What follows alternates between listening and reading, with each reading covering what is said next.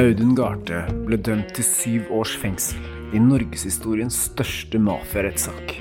Nå mener han at politiet har jobbet sammen med hemmelige agenter for å forfalske bevis og få ham dømt. Dette er Skyldig til det motsatte er bevist, en podkastserie i ti deler fra Avhørt, del syv.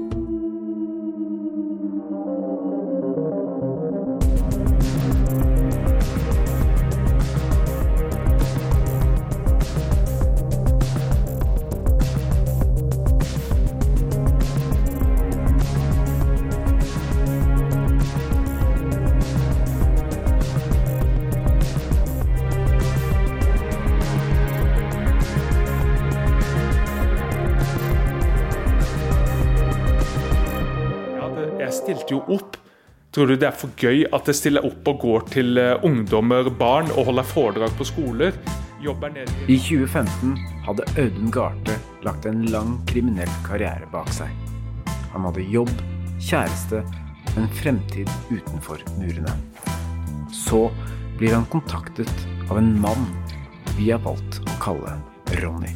Så blir jeg da oppsøkt av en, la oss si, en eh, semikriminell i Arendal Ronny forteller Audun at en bekjent av ham, Alf Henrik Christensen, trengte hjelp til å komme seg ut av et oppdrag om å smugle hasj fra Nederland til Norge. Jeg sier først nei, jeg kan ikke hjelpe noen, jeg, kan, jeg må hjelpe meg sjøl nå. Men Audun la en plan for å lure oppdragsgiver Metkel Betev til å tro at de skulle gjennomføre smuglingen, uten at de egentlig hadde tenkt å gjøre det. Det er i hvert fall det de har fortalt oss. Og Da setter vi i gang på en måte et skuespill for å uh, vertifisere at han vil forsøke å gjennomføre en smugling som han aldri har tenkt å gjennomføre. i Det Det ble gjennomført totalt tre mislykkede smuglerforsøk. Men Ronny trakk seg ut allerede etter det første forsøket og ble erstattet av Auduns gamle venn Tore Karlsen. Audun han ble jeg kjent med i forbindelse at jeg ledet han inn som ei livvakt, faktisk. På, eh, Audun mener nå at Ronny eller Tore, eller kanskje begge to, sammen har jobbet for politiet for å lure ham inn i saken. Men jeg blir fanga inn igjen av politiets informanter og ulovlig redigering av bevis, der jeg blir dømt i en straffesak. Vi har sett på bevisene, og vi mener det er usannsynlig at Tore med sin egen kriminelle historikk og rusmisbruk kan ha vært politiagent. Men når det kommer til Ronny, mener vi noe litt annet. Han, han er informant. Han blåser sin kompiser, han blåser meg. Øh, jeg kan bevise det. Vi har snakket med flere kilder i Arendalsområdet, og flere av de har tegnet et bilde av Ronny som ikke er så heldig. Han har jo alltid vært eh, kriminell og solgt det han kan selge ned i Arendal. Så at han har gått klar så mange år, det er jo litt sprøtt. En av de som sto Ronny nær, gjorde på et tidspunkt en serie lydopptak av sine samtaler med Ronny, som vi har fått tilgang til. Så politiet satt faen ikke noe pris på det samarbeidet ditt i det hele tatt? Jo, i begynnelsen så var de jo kjempefornøyd, ikke vel? Fordi at uh, så... I disse lydopptakene kommer det frem at Ronny har hatt et forhold til politiet, uten at vi kan slå fast hva dette forholdet gikk ut på. Men det er liten tvil om at han har fått hjelp av politiet. Og hvis ikke dere nå setter i gang og hjelper meg med den jævla gjeldssaneringa, så ender det med enten at jeg ikke gidder mer, rett og slett, eller så blir jeg livsjævla farlig, sa jeg. Så da er spørsmålet hadde han også et forhold til politiet i 2015, da han først tok kontakt med Audun for å hjelpe Alf Henrik Christensen. Så tok han med Audun inn i det, for han skulle liksom være distribusjonen. Audun selv har vært litt tilbakeholden når det kommer til sitt eget forhold til Ronny, og har konsentrert sine anklager mot vennen Tore Karlsen. En telefonsamtale hvor jeg har bevis for at denne bobilsjåføren er i Norge på det tidspunktet han skulle vært i Danmark. Og dette er jo kanskje litt forståelig, siden det til slutt var politiets beviser som plasserte Tore Karlsen i Tyskland, som fikk dem dømt. Men hvis det faktisk var Ronny som på oppdrag fra politiet initierte hele den kriminelle handlingen, da har kanskje ikke disse bevisene noen verdi lenger i det hele tatt. Audun har fortalt at Ronny trakk seg ut av smugleroppdraget da Tore Karlsen kom inn i bildet. Var dette fordi politiet ønsket å ta ham ut av operasjonen, eller lå det noe annet bak? Og så er litt eh, spørsmål om hvorfor Ronny trakk seg ut av saken. Ja, og der er det jo litt forskjellige forklaringer. Ja. Du kan jo ta dem alle sammen, Helge. vi har eh, På lydbåndopptak så har vi hørt at Ronny selv sier at han trakk seg ut for at det ble snakk om sterkere stoffer, MDMA og amfetamin, ecstasy, mens Audun hevder jo at det var politiet som trakk Ronny ut, for uh, da var uh, Tore, Alf-Henrik og Audun en gruppe på tre. Altså eh, en av de kriteriene som må til for å dømmes etter 60A. Og da hadde ikke politiet lenger behov for å ha Ronny, altså sin informant, dette er altså Audun som mener, i den operasjonen, så de trakk han ut. Ja, så vet vi jo at uh, denne Ronny, han uh, Politiet hadde ikke noe særlig interesse for han, til tross for at det var han som satte Alf Henrik Christensen og Audun Garte i kontakt med hverandre. Til tross for at han var med i en del planlegging, til tross for at han var med på den første seilbåtturen, til tross for at han faktisk kom med masse utstyr til Audun Garte og Alf Henrik da de skulle ut på seilbåttur nummer to. Mm. Likevel så hadde politiet ingen interesse av å trekke denne Ronny inn i Sult-saken. Vi tok en prat med Tore selv for å høre litt mer om hans eget forhold til Ronny. Hei, Tore. Hei sann. Kanskje kan ikke du aller først bare begynne med å fortelle hvordan du kjenner eh, denne Ronny? Det var vel egentlig fra tidligere, når jeg flytta til Arendal i sin tid og, og, kom inn i det miljøet der, eh, så var jo han en veldig sånn her eh, kaotisk figur som laga mye trøbbel i miljøet for en del ungdom. Det var vel sånn jeg ble kjent med han i bunn og grunn. Ok, dere bare støtter på hverandre? Ja, altså han ble jo egentlig en bitter fiende i alle år der nede. Pga. den oppførselen som han viste og de trussel, det, det trusselbildet han laga for ungdommen der nede. Ok, så han nærmest terroriserte ungdom, er det du sier, og derfor så ble dere uvenner? Ja, ikke bare terroriserte dem, men det var mange av dem som kom opp og gjemte seg hos meg rett og slett pga. at de hadde fått problemer med han. De kom og gjemte seg hos deg? Ja, i flere anledninger. Der, dermed så ble jo jeg og han ganske så rivaliserte, eller bitte fiender, hva, hva man kan kalle det for. for han satt jo folk i ganske mange sprø situasjoner. Ja, skjønner. Uten at jeg tror at de ble kanskje skyldig han penger eller skyldig han en tjeneste eller lignende. For det, det er relatert til uh, narkotikasalg der, eller? Både når det gjaldt narkotika og når det gjaldt forsikringssvindel og forskjellig sånn her. Ja. Men uh, kan ikke du bare utdype litt, uh, hvordan var det han Hvorfor var disse ungdommene så redde for ham? Hva var det han gjorde for noe, egentlig? Nei, altså, han, han, var jo, han var jo ganske stor mann i sånn fysisk. okay. Størrelse, og ganske så aggressiv av seg. Så det var vel helst det som gjorde at de, ble, de, de var rett og slett redde. Ok, så da kom de løpende til deg? Da kom han løpende til meg. okay. Redning, redningsmannen. ja, redningsmannen og redningsmannen. Man var jo i hvert fall veldig sånn på det han her med at man, man, man, man burde være rettferdig når det gjelder både i det gamet og ellers. Det er klart, Når han begynte på det viset der og skulle begynne å bruke mindreårige ungdom til forskjellige trøv og vas eh, som løpegutter for seg og så skremmer vettet av dem, det, det, blir så feil. Ja. Men hva slags, type, hva slags, type, er han, da? Kan du beskrive ham eh, for oss? Jeg har bestandig beskrevet han som en av de store drittsekkene i Arendal. Ja. man, ja, rett og slett. Det jeg, har jeg alltid sagt, og både med mine venner igjen og ellers, når de har nevnt det navnet der. Altså.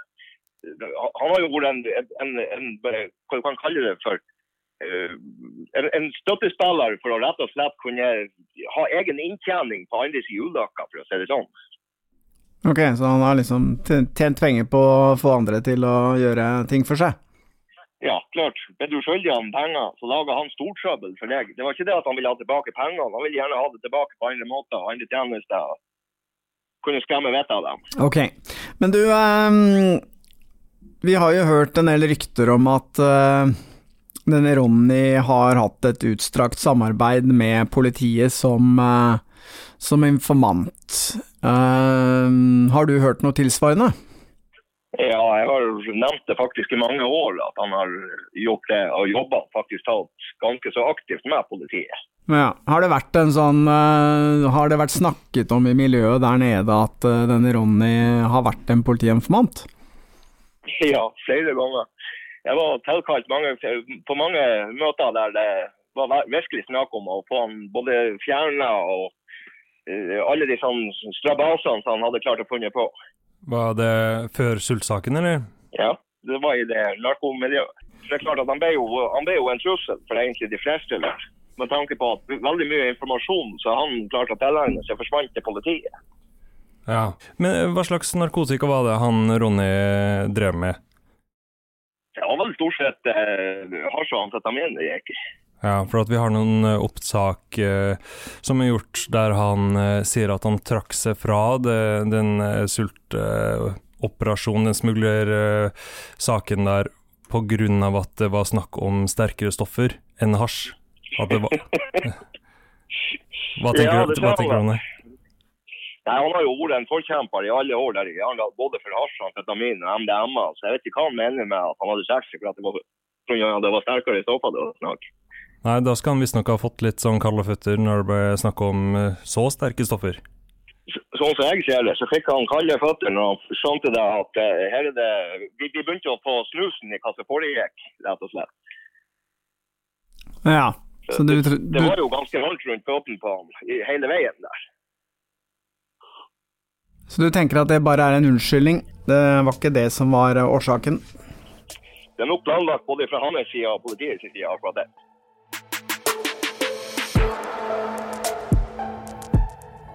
Det høres i hvert fall ut som om Tore er ganske sikker på at Ronny har fungert som politiinformant. Også i 2015, da han koblet Audun Garthe med Alf Henrik Christensen.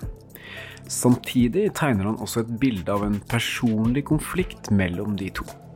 At den lokale ungdommen skal ha kommet til Tore for å få hjelp da de følte seg truet av Ronny. Noe vi ikke har kunnet bekrefte på dette tidspunktet. Men det er interessant hvordan han fremstiller seg selv som en heltefigur i forhold til Ronny, til tross for sin egen historikk med kriminalitet og tunge rusmidler. Og hvis Tore selv var politiagent, vel da er det jo naturlig å prøve å legge skylden over på noen andre. Hm.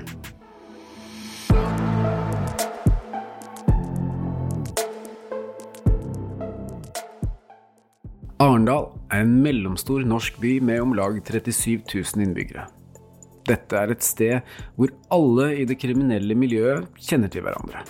Og det er vanskelig å finne noen som kan uttale seg nøytralt om Audun, Tore eller Ronny. Og alle snakker bak ryggen på hverandre. Nei, men er det ikke selveste Larsen som ringer, da? Hvordan går det? Jo da, det kan ikke annet enn å klage, si. Ja, hva er det du lurer på i dag, da? Nei, eh, eh, jeg bare tenkte på eh, Ja, hva tenkte du på? den fakturaen som har forfalt. Å ja, den ja. Å, jeg må rett og slett bare ha glemt den fakturaen. Jeg- Jeg skal Visste du at åtte av ti betaler etter første purring? Ikke vent for lenge. Med Amili, en ny løsning fra Visma, får du alt du trenger for raskere betaling. I én komplett løsning. Se hvordan på amili.no. Kjenner du en ja. Jævla tulling. Idiot. Flott, eh, flott knott. Idiot. I dette lydopptaket, som vi har fått tilsendt av en anonym kilde, snakker to personer fra det kriminelle miljøet i Arendal sammen om Ronny. Det kommer jo rykter fra litt farlige mennesker òg, faktisk. Det, nei, han skal jo være informant, da. Det tror jeg på. Det tror du på, ja? Ja, ja, ja, det tror jeg på. For han er ikke så pinglete, så jeg har jo hatt mye problemer. Altså, vi, ja, han har jo hatt en konflikt på i noen år tidligere. ja. Den ene av deltakerne i samtalen er vår kilde, og det er han som står bak opptaket. På eget initiativ forsøker han å fiske etter informasjon om Ronnys samarbeid med politiet. Er pingle som er falt. Ja. så han opp i et hjørne alene. Så hvis du så alene man ikke har en ballskrevet kniv eller pistol, Gud a meg, skal love at den mannen skal gå. Ja, Vi hører jo på opptaket her at eh, det er en person som har hatt en konflikt med denne Ronny. Eh, han beskriver han jo som en pingle, men eh, og som eh, veldig troende til å faktisk eh, inngå et samarbeid med politiet. Ja, jeg, jeg kjenner han ikke, det er bare et navn. Nei, jeg kjenner han godt. Men eh, så har det vært noe nå nylig eh, i noe, han, har vært noe, han har vært voldelig med en kvinne eller noe sånt, tror jeg. Eh. Ja, det er ikke nytt. Det er ikke nytt, nei. Nei, Altså, den kvinnen kan være nytt, men det er ikke noe nytt at han er sånn. Ja, for han er litt psykopat. Som, han er informant, det, det undrer meg ikke et sekund, for det at han har jo drevet så narkorus de siste ti åra at han er jo helt på trynet. Den måten han har til å holde seg ute og overleve, det er jo tyste, det. Ingen problem med å ta den tyste. Ja, tyster. Ikke i det hele tatt. Men etter å ha hørt de opptakene, så eh, i tillegg til å ha fått, i hvert fall eh, fått nok en påstand om at denne Ronny er politiinformant, så kommer det også fram noen navn på noen politifolk som åpenbart da har vært eh, kildeførere som har hatt denne kontakten med Ronny. De to driver en egen enhet som ikke er underlagt uh, restriksjoner. De opererer på egen hånd, de er frie til hele. De kartlegger hele opplegget. De tar imot informasjon og kartlegger, kartlegger og kartlegger. De er ikke ute som meg og deg, ikke de er ute som de journalistene våre. Men de kartlegger og kartlegger og lager avtaler. Jeg visste hvis det er på TV det skjer plasser. Ja, med informanter og sånn, tenkte du på? Ja, ja, selvfølgelig.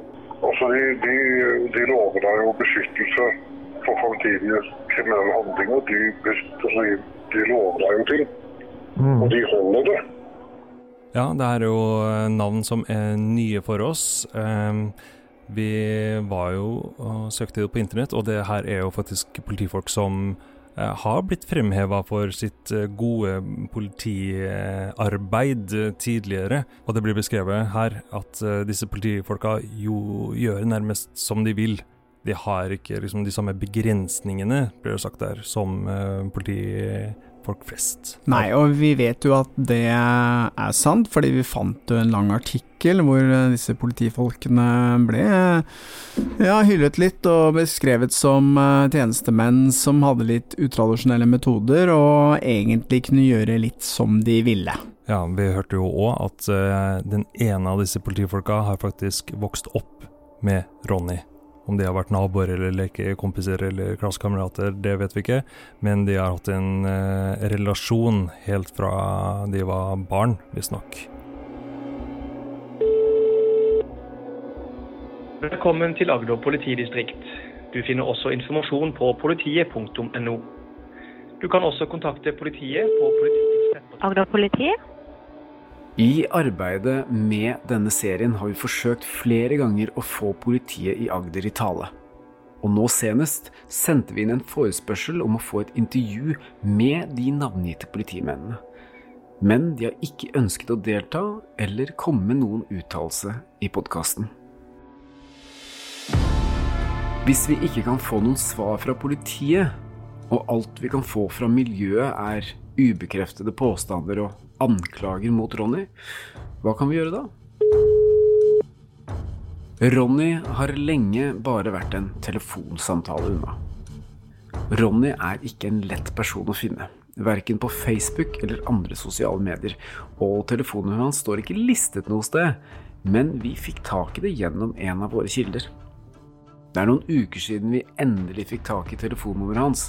Allikevel har vi ventet med å ringe ham.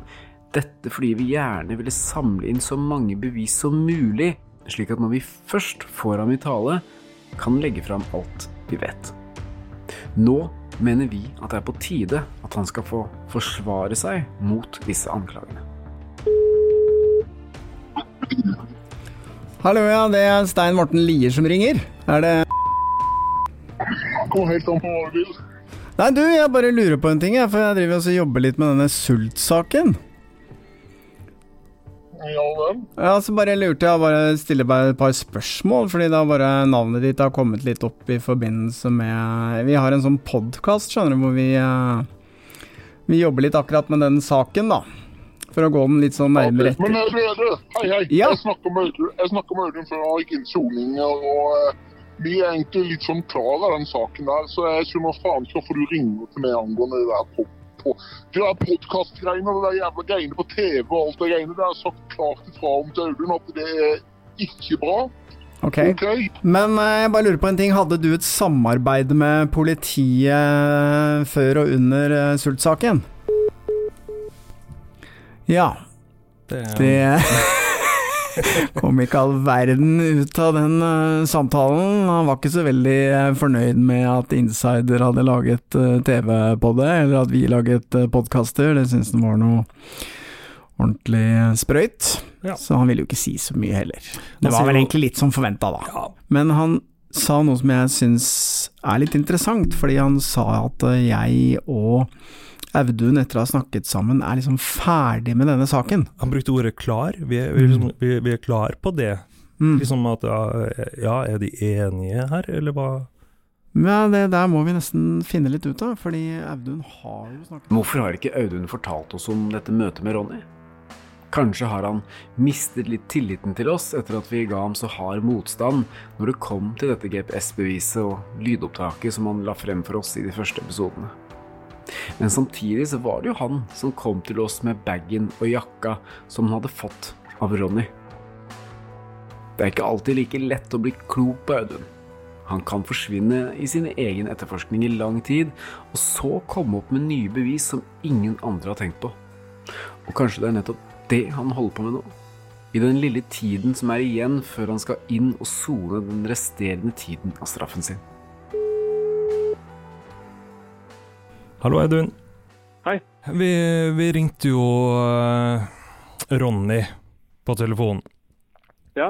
Og da eh, Han la jo ganske kjapt på, men det vi Det han sa, da, var at han hadde prata med Audun om dette her, og at dere Ja. nærmest var liksom enige om at dette hadde vi lagt bak oss. Var det noe sånt han sa? eh, Jo, det var det han sa. At, uh, og at han skjønte liksom ikke hvorfor det med insider og podkast, og det hadde han sagt til deg, og Men at dere var ferdig med de greiene her nå, sier han. ja. Nei, jeg er absolutt ikke ferdig med det. Men hva, kan Så- du bare gjengi litt hva dere snakket om, eller? Da du Nei, traff altså jeg- Jeg konfronterte han jo bare om, eh, om eh, Altså, jeg tok det på en mild måte. Eh, Jeg sa, jeg sa til han at, eh, at det har dukka opp muligens noen opplysninger om, om at du har hatt samarbeid med politiet, og det verifiserer Eller det, det er noen sånne lydfiler som er i omløp, der du sier at du har et samarbeid med politiet. Mhm. Og da sa han eh, ja, det, jeg har hatt samarbeid med politiet og sånne ting, og, men det er for å hevne meg på en annen. Ok. Og så sa jeg OK, så hadde du et samarbeid i Sult-saken og du fikk meg inn i saken. Og da prøver han jo å ro seg unna og si nei, nei, det stemmer ikke. Og så, og så sier han at, at uh, han navngir noen politimenn, da. Som da han Som er da sikkert de som har kontakt med han, da. Og de politimennene er jo de samme som Jeg har jo gjort en etterforskning før jeg møter han, ikke sant? Så, jeg kan se han i, i korta.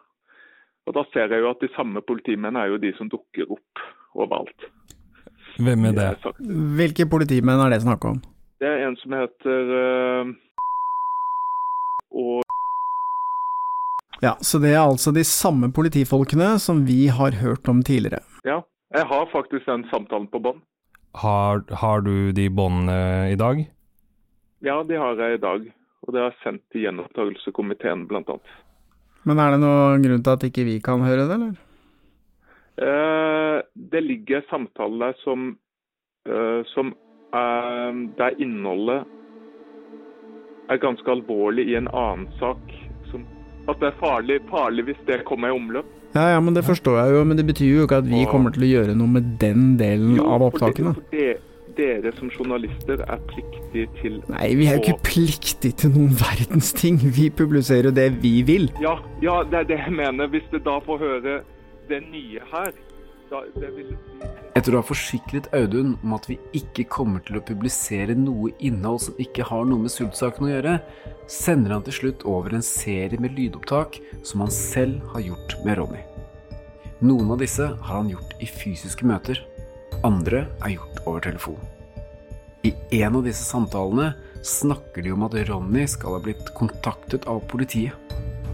De skal ha ønsket å få til et nytt samarbeid med Ronny fordi de ønsker å få has på en av hans konkurrenter. Hvis han hjelper dem med dette, vil denne konkurrenten potensielt sitte inne i lang tid. Altså, det, kan ikke, jeg kan ikke gjøre sånn. Det ligger ikke i min natur. Så tok jeg kontakt med, med eh. Så sier jeg det at eh, vet du noe, er nødt til å få det her på plass. Så hvis eh, jeg kan bidra, så blir jeg sittende i fengsel jævlig lenge.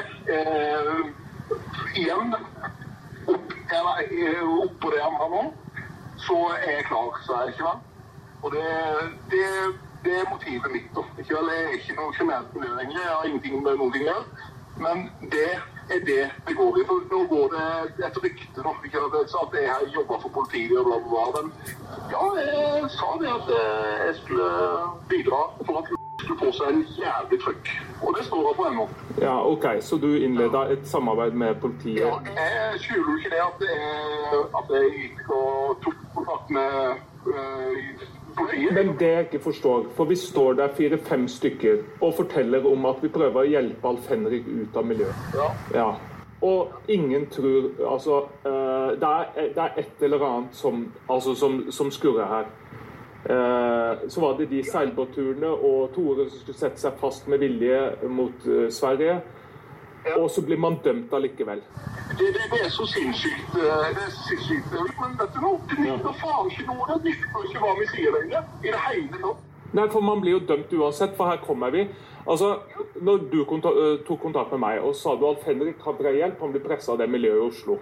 Og så kommer, kom jeg inn, og så prøver vi å hjelpe med å øh, ta disse fiktive seilbåtturene, ikke sant? Ja, Ja, jeg var jo med på det òg. Ja. Ikke sant? For det var jo du som fikk meg inn der. Ja, ja, det var jo Ja, jeg vet det.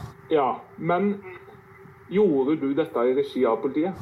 Nei, det var med da. Jeg hadde ikke noen ting med de å gjøre. Nei, når, når var det du hadde kontakt med Slutten av 2017. OK.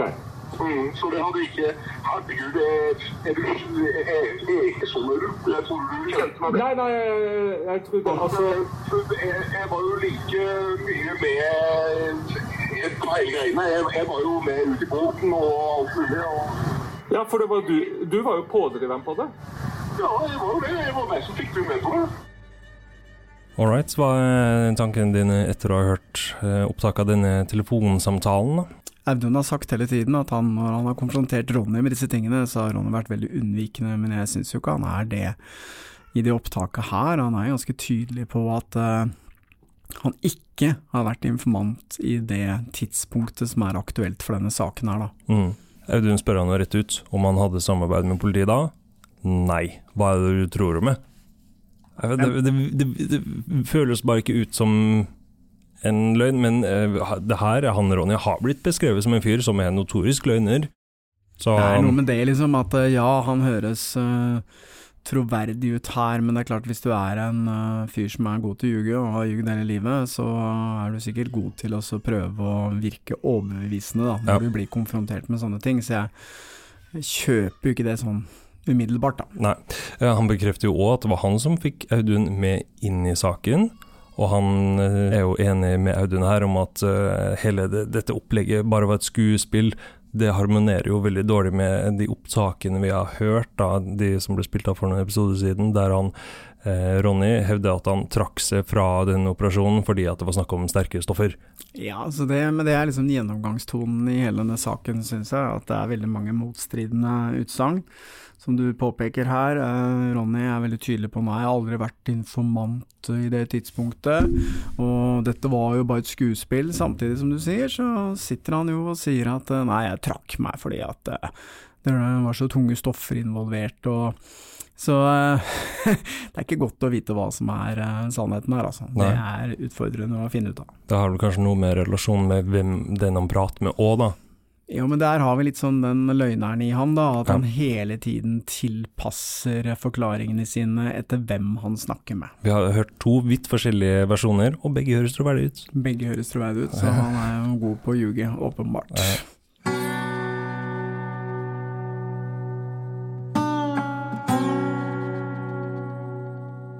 Det ser ut som det blir vanskelig å få svar på om Ronny hadde samarbeid med politiet på det tidspunktet Audun ble dratt inn i Sult-saken. Ja, for det vi sitter igjen med nå er jo at eh, tre kilder bekrefter at eh, Ronny har vært politiinformant, så det er vi ganske sikre på. Eh, Det som er usikkert er jo om han var det våren 2015, og det vil selvfølgelig ikke Ronny svare på selv. Og vi har jo prøvd å fritte ut politiet, selv om vi visste at de kan jo ikke svare på det pga. taushetsplikten. Men vi syns det var riktig å i hvert fall konfrontere dem med at tre kilder bekrefter at han var det. Og at hvis han var det på det tidspunktet, så var det i så fall ulovlig politiprovokasjon.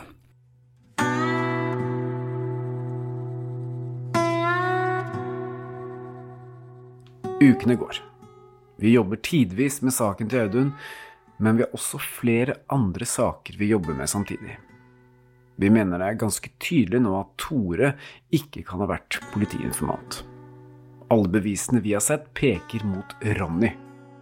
Og Audun har sendt de nye lydopptakene av sine møter med Ronny til statsadvokaten for videre vurdering. Forhåpentligvis vil dette være nok til at de vil se på saken hans på nytt. Men så, en dag.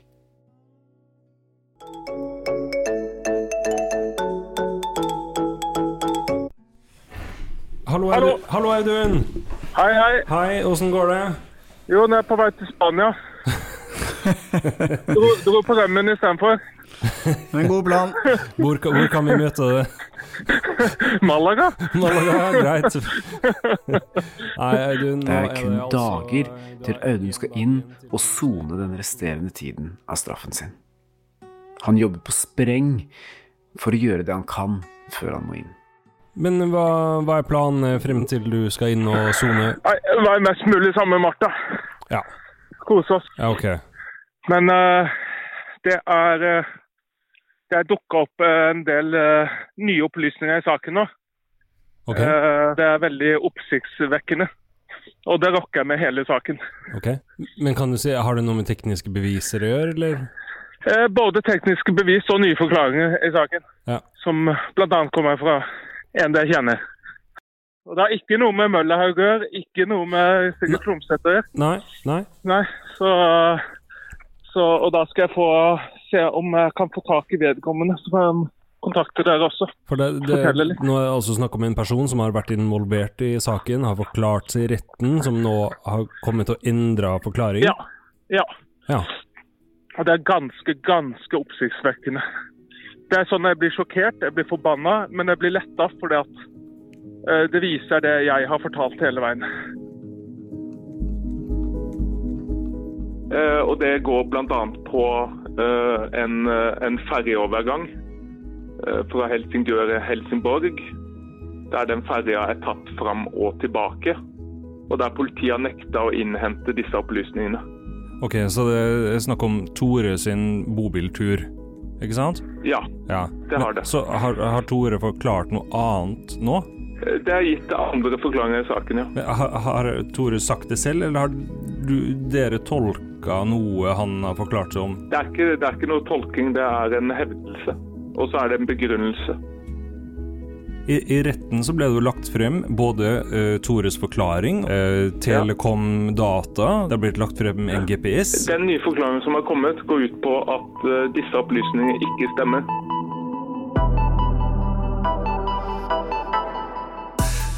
Tore skal altså ha endret forklaring helt ut av det blå.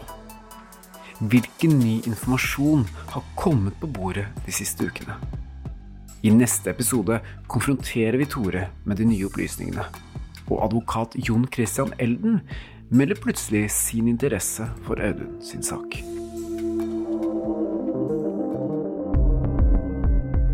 Skyldig til det motsatte er bevist er en avhørt produksjon av Batong Media. Redaksjonen vår består av Stein Morten Lier, Helge Molvær og Lars Christian Nygårdstrand. Temamusikken vår er laget av Altered States, og du finner oss på Facebook som Batong Media.